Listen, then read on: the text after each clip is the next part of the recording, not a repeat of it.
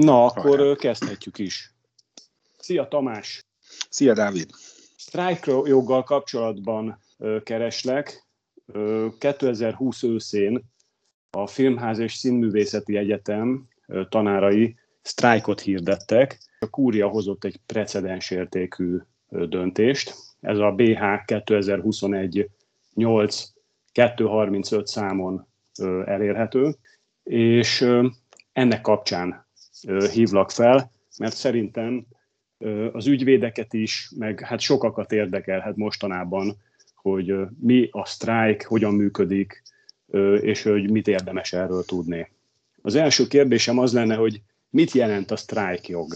Ez egy nem peres eljárás, ami a munkaügyi bíróság, egész pontosan ugye a fővárosi törvényszék munkaügyi kollégiuma előtt zajlik. Viszonylag szűk határidők vannak, és kérelmezőnek hívják az eljárást kezdeményező felet, ami lehet akár a munkáltatói, akár a munkavállalói oldal, és kérelmezettnek hívják a másik felet.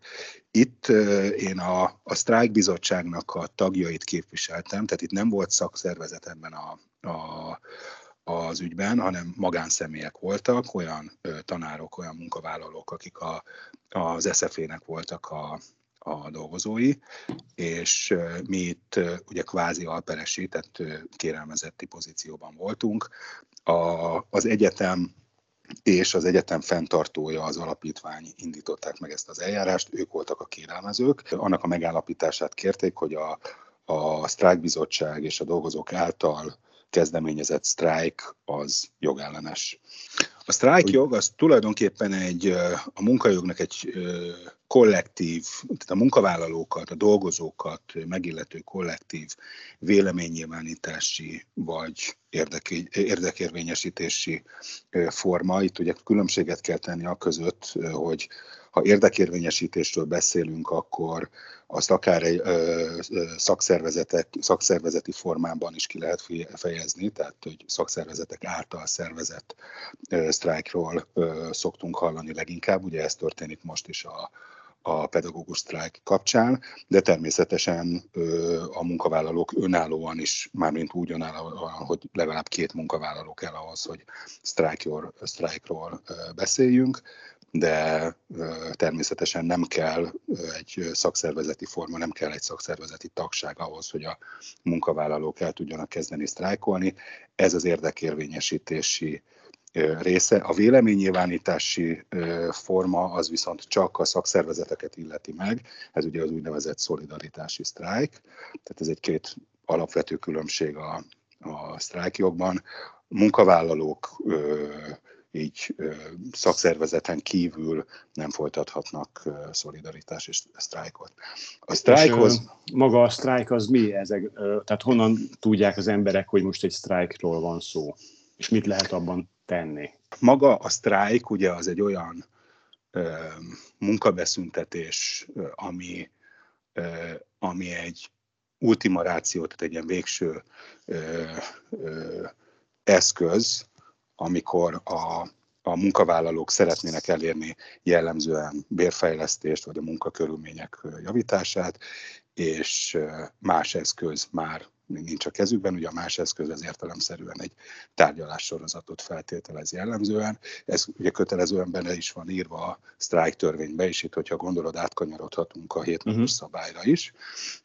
Ugyanis a, a, nyilván nem lehet csak úgy random vagy a semmiből elkezdeni egy sztrájkot, tehát ezt fel kell építeni úgy, hogy a munkavállalók akár szakszervezeti formában, akár ne, anélkül, de valamilyen szinten kollektíven, tehát mondom legalább két munkavállaló kell ehhez, fellépnek, közlik a munka, munkáltató felé, hogy hát nekik bizony valamilyen problémájuk van, valami nekik nem tetszik, kevés a bér, rosszak a munkakörülmények, vagy valami más egyéb, ami a munkához kapcsolódóan számukra kedvezőtlen, ezt nyilván jelezni kell a munkáltató felé, és hogyha megrekednek, megreked egy tárgyalássorozat, akkor ugye kilátásba helyezhetik azt, hogy jó, akkor mi majd sztrájkolni fogunk.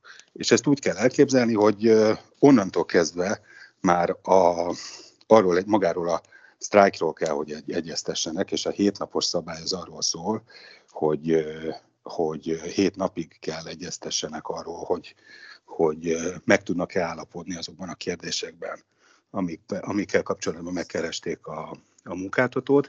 Nyilván ez ugye feltételezi azt, hogy a munkáltató leül velük és egyezkedik. Tehát ugye ez a hétnapos szabályt ez csak akkor lehet értelmezni, hogyha van a munka, munkáltatói oldalról van úgymond fogadókészség. Az SZFE ügyében például nem volt fogadókészség, és az SZFE tanárai nem tudtak leülni senkivel sem egyeztetni, úgyhogy ott a hétnapos szabály az ebből a szempontból nem játszott. Ott a strike Hát ott volt, ez az egyik ilyen döntő része volt a perben, hogy, hogy most akkor megvolt-e a hét nap, vagy sem. Gondolom, és szerintem ez a mostani sztrájkban is egy kérdés, a, a pedagógus sztrájknál is talán? Itt talán kevésbé hangsúlyos, de az tény, hogyha nincs, tehát hogyha a munkáltató nem ül le a sztrájkolókkal egyeztetni, attól még, ugye ez nem jelenti, tehát ezzel nem lehet bolykottálni vagy megakadályozni egy sztrájkot, egész egyszerűen, hogyha az egyeztető eljárás a sztrájkot kezdeményezőknek fel nem roható ok miatt nem jön létre, akkor ugyanúgy megkezdhetik a sztrájkot, és, és nincs szükség a hétnapos szabály megtartására. Most mondtad azt is, hogy ugye ez egy alkotmányos alapjog, tehát az alaptörvényben Igen. is valahol meg lehet találni. Most jelenleg ezt hogy lehet megtalálni az alaptörvényben? Hát ezt egy néhány egér görgetéssel, hogyha az ember legörget, az megnyitja a laptopján vagy bármilyen készüléken az alaptörvényt, akkor a római 17-es cikk második bekezdéséhez kell legörgetni, és ott van benne. A strike szóra, hogyha rákeresünk, akkor nem fogjuk megtalálni, mert Igen, ezért kérdeztem. Az alkotmányban. Munkabeszüntetés viszont ö, szerepel, úgyhogy, ö, úgyhogy egész pontosan, itt ezt most föl is tudom olvasni, egy három soros rendelkezés van. Törvényben meghatározottak szerint a munkavállalóknak, a munkaadóknak, valamint szervezeteiknek joguk van ahhoz, hogy egymással tárgyalást folytassanak, annak alapján kollektív szerződést kössenek, érdekeik védelmében együttesen fellépjenek, amely magában foglalja a munkavállalók munkabeszüntetéshez való jogát. Ez mondjuk úgy némileg puhában van megfogalmazva, mint a, a korábbi alkotmányban, de a, nyilván a lényeg az, hogy maga a sztrájkhoz való jog nem vesztette el természetesen az alapjogi jellegét, és ugyanúgy megvannak az alkotmányos garanciák a sztrájkhoz való jog védelmére, sőt, az a Nemzetközi Munkaügyi Szervezet, az ILO-nak a, a különböző irányelvei, amik kötelező érvényűek egyébként Magyarországra nézve is. Én most picit előre beszélek itt a pedagógus sztrájk kapcsán. Azt érzem, hogy lesz még olyan eset, hogy a, az ILO joggyakorlatára hivatkozva vagy lehet hivatkozni akkor is, hogyha mondjuk a hazai törvényi szabályozás alapján mondjuk egy vagy nem feltétlenül törvény, mondjuk ugye rendeleti szabályozás alapján egy sztrájkot egy bíróság jogellenesnek minősítene. Ezt adott esetben a, az ILO-nak a különböző irányelveire hivatkozva, az ILO-t meg kell egy külön szervét Igen. megkeresve, gyakorlatilag lehet egy ilyen nemzetközi eljárást indítani, és ott ennek az ellenkezőjét kimondatni. Igen, a ti esetetek kapcsán is ö, olvastam, hogy volt erre hivatkozás erre a szervezetre. A mi esetünkben ugye ö, konkrétan ö, maga az ILO joggyakorlatára ö, volt hivatkozás. Az SZFE ügyében első fokon a munkaügyi bíróság megállapította, hogy a, a maga a sztrájk az, az jogellenes, és és másodfokon az ítélőtábla megváltoztatta az elsőfokú bíróságnak a döntését, és a többek közt a, az általunk hivatkozott álló irányelveket is magáévá téve. Lenne egy olyan kérdésem is, hogy mi van azokkal a munkavállalókkal, akik nem vesznek részt a sztrájkban? Ez egy nagyon jó kérdés, ugye önmagában ez praktikusan abból a szempontból merülhet föl önmagában, hogyha valaki nem vesz részt a sztrájkban, nyilván ugyanúgy be kell mennie dolgozni, és, és ő nem sztrájkol, viszont azzal számolnia kell, hogy adott esetben ö, ilyenkor jogosult a munkáltató arra, hogy hogy túlmunkát rendeljen el, rendkívüli munkavégzést rendeljen el vele kapcsolatban, sőt, akár arra is jogosult a munkáltató nyilván, hogy, hogy pótolja a, a kimaradt munkaerőt. Azok, azokkal szemben egyébként, akik viszont sztrájkolnak, abban az esetben, hogyha a sztrájk jogszerűsége lesz megállapítható, akkor nyilvánvalóan semmilyen ö, szankciót nem érheti a sztrájkoló ö, munkavállalókat, viszont hogyha a bíróság jogerősen megállapítja egy sztrájknak a jogellenességét, akkor viszont akár a legsúlyosabb szankciót, tehát ugye a felmondással is számolniuk kell a, a jogellenes sztrájkban résztvevő munkavállalóknak. Értem, és a, a munkáltató egy sztrájk esetén mit tehet, milyen eszközei vannak, ha például jogellenesnek tartja a sztrájkot? Hát a legegyszerűbb ugye, a, amit már érintettünk a beszélgetés elején, hogy bírósághoz fordul, és kéri a sztrájk jogellenességének a, a megállapítását. És ebben az esetben ugye ö, itt, ahogy Itt azért szűk az határidők vannak.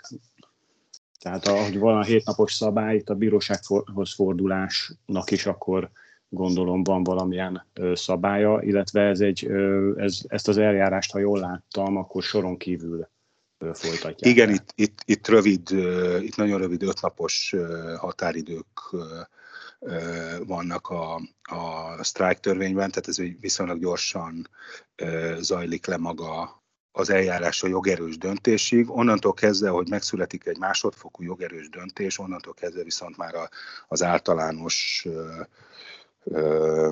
PP szabályok szerint lehet felülvizsgálatot kezdeményezni a kúriánál. Úgyhogy akkor nálatok is 45 nap. Nálatok is gondolom így volt, hogy elég gyorsan lezajlott akkor az első igen, másodfokú igen, eljárás, hát és egy... akkor a kúriához fordultak ugye a ö, kérelmezők, és a kúriának a döntése volt egy kicsi hosszadalmasabb. Így van, ugye maga az eljárás az, hát az egy ilyen 2020 október-novembere alatt lefolyt, és, és, és a kúriai határozat, az, hogyha jól emlékszem, az valamikor 2021 március vége felé született meg, én talán áprilisban kaptam meg. Sajátos módon bekerült ebbe a múlt hét pénteki kormányrendeletbe a pedagógus sztrájk kapcsán az, hogy, hogy itt nem 45, hanem 60 napos határidő van a, a felülvizsgálati kérelem benyújtására. Akkor itt is egy elég szoros határidő van, ahhoz képest, amit megszoktunk az általános. Hát a 45 naphoz képest tágabb, de igen. amúgy, amúgy igen. És uh, itt az SFE kapcsán mi volt az alapvető kérdés? Hát maga az, hogy akkor kezdjük ott, hogy miért kezdtek el egyáltalán sztrájkolni. Ugye nyilván itt a, a, azért azt szinte mindenki előtt ismert szerintem, aki ezt a beszélgetést meghallgatja, hogy mi volt itt a, az előzménye ennek a magának a sztrájknak, tehát ugye 2020 nyár végén volt egy mondjuk úgy modellváltás a, a Színház és Filmművészeti Egyetemnél, és a, az SFS szenátusának ö, garanciális ö, alapvető jogkörei kerültek ki, ö, és kerültek a fenntartóhoz.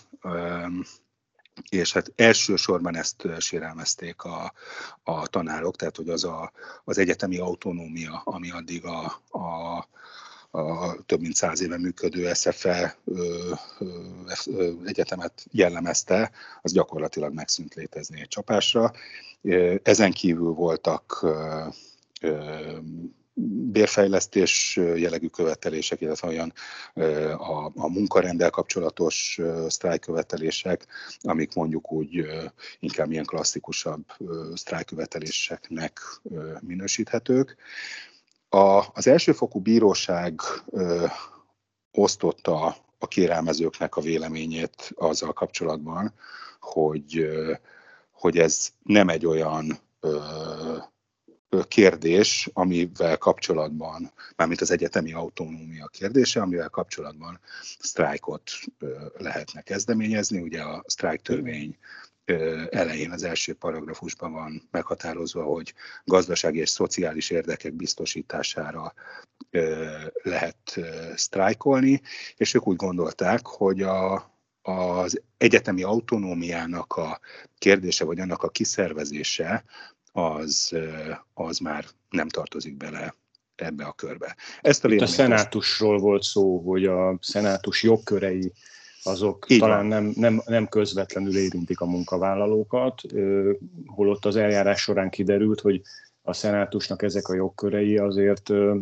munkáltatói jogokat is jelentenek, és egy csomó olyan jogot is, ami a szervezettel kapcsolatos, ami egyébként közvetlenül kihat a, munka, a munkavállalókra. Minden esetre ez egy jó hivatkozás volt a kérelmezők részéről.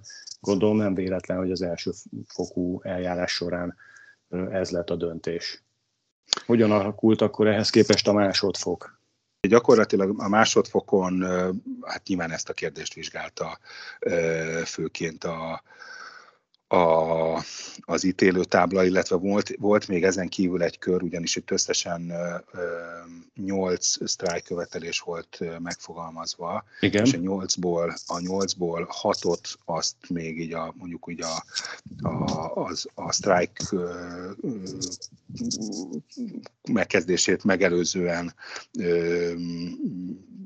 közölték az első hat sztrájkövetelést a dolgozók a, a munkáltatóval, és a hetedik meg a nyolcadik sztrájkövetelést az, az, az mondjuk úgy később került a képbe, és a, az elsőfokú bíróság ebbe is belekötött, hogy, hogy, hogy sőt, azt nem is vizsgálta arra hivatkozásra, hogy azt, azt csak később találták ki, úgymond a, a dolgozók, és ezek azok az úgynevezett a bérfejlesztés, illetve a munkarend kontinuitására irányuló sztrájkövetelések voltak, és az ítélőtábla ezzel kapcsolatban kifejtette azt az álláspontját, hogy nem tilos menet közben módosítani a sztrájköveteléseket, tehát nyugodtan lehet bővíteni, szűkíteni.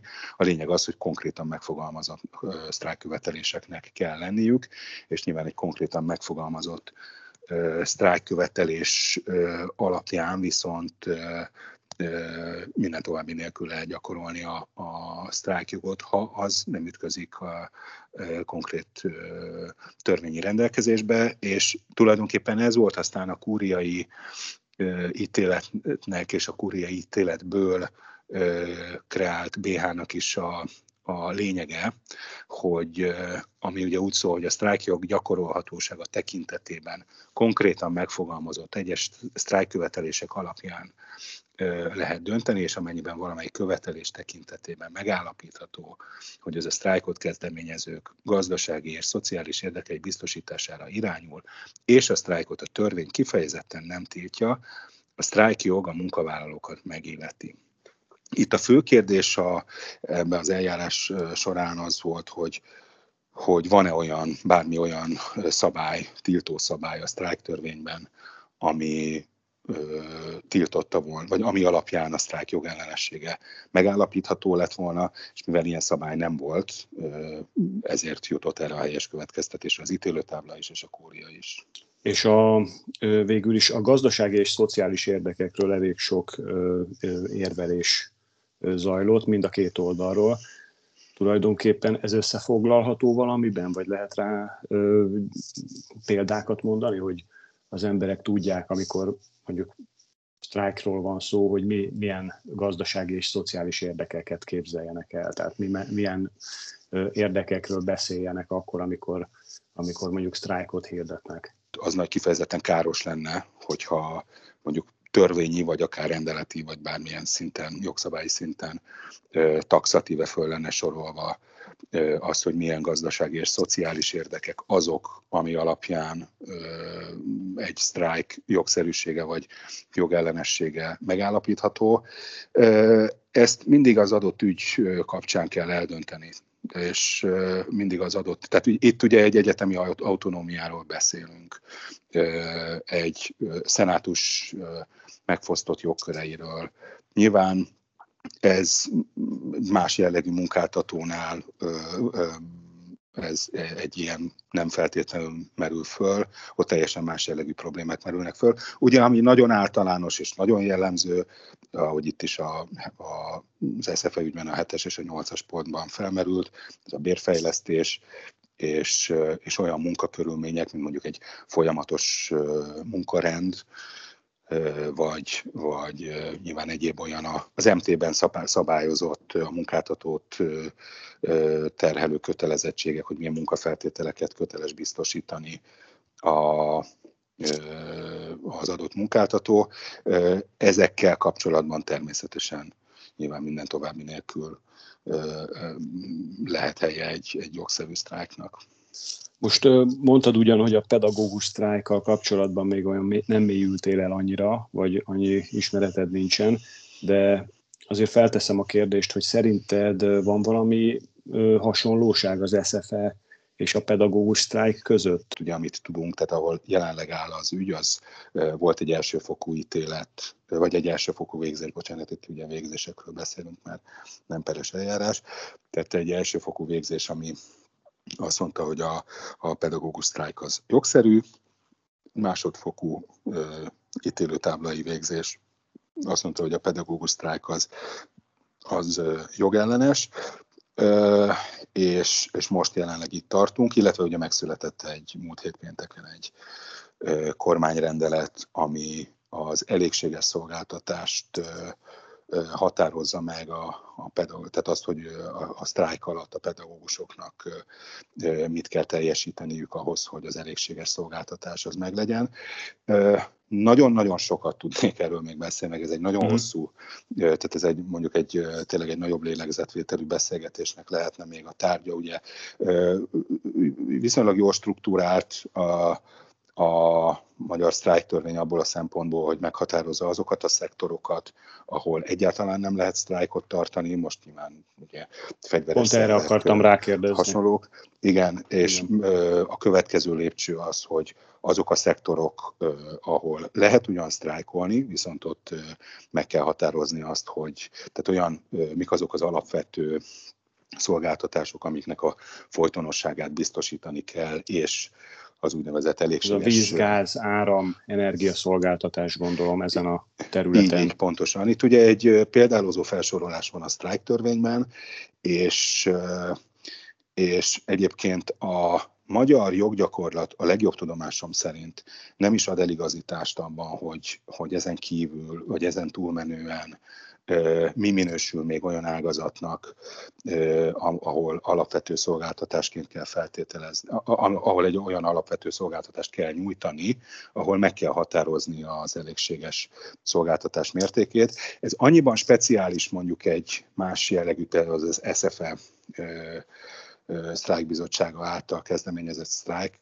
tól, ott, hogy ugye alapvetően abban tér el egy, egy ilyen ö, szektorban folytatott sztrájk, hogy itt van egy olyan ö, kötelező kör, hogy meg kell állapodni gyakorlatilag a, a munkáltatóval az elégséges szolgáltatás mértékéről. És hogyha ez nem sikerül, akkor viszont a, egy jogerős bírósági határozatnak kell megállapítania az elégséges szolgáltatás mértékét. Vagy adott esetben mondjuk törvény, konkrétan ugye a törvényi szintet kíván meg a, a sztrájk törvény, és, és ilyen szempontból hát nyilván erősen vitatható az, hogy egy vészhelyzet miatti rendeleti jogalkotás során hozott kormányrendelet az mennyiben felel meg ennek a, a kívánalomnak. Az ítélőtábla egyébként arra hivatkozással minősítette jogellenesnek a, a pedagógus sztrájkot, hogy olyan indokot hozott fel a fellebezésbe a, ott a kérelmezetként jelenik meg a, a kormány, ugye az EMI, amit, amire az első fokú eljárás során nem hivatkozott. Ezt ezzel együtt elfogadta az ítélőtábla, és azt mondta, hogy lehet hivatkozni ilyen esetben egy ilyen, egy olyan fellebezési kérelemre, ami az első fokon még nem merült föl. Nyilván ezzel önmagában én szintén vitatkoznék. De itt a kérdés az az volt, hogy maga a sztrájk, tehát egy sztrájk jogszerű lehet-e akkor, hogyha az elégséges szolgáltatás kérdésében nem született megállapodás, és vagy jogerős bírói határozat.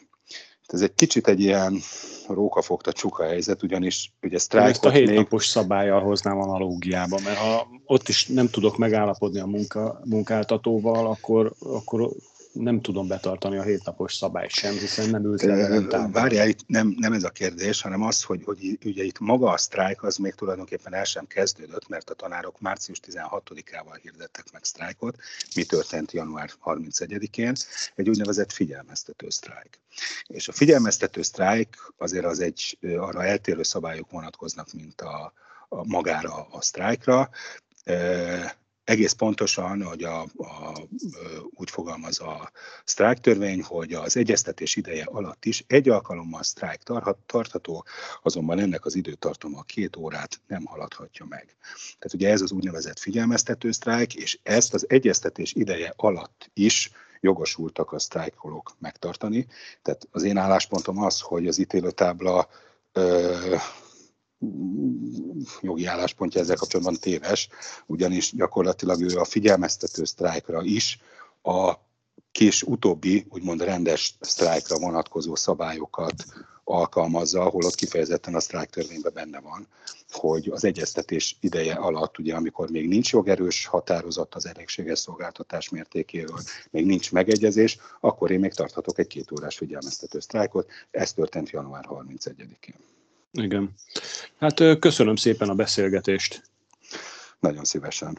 Remélem folytatjuk még.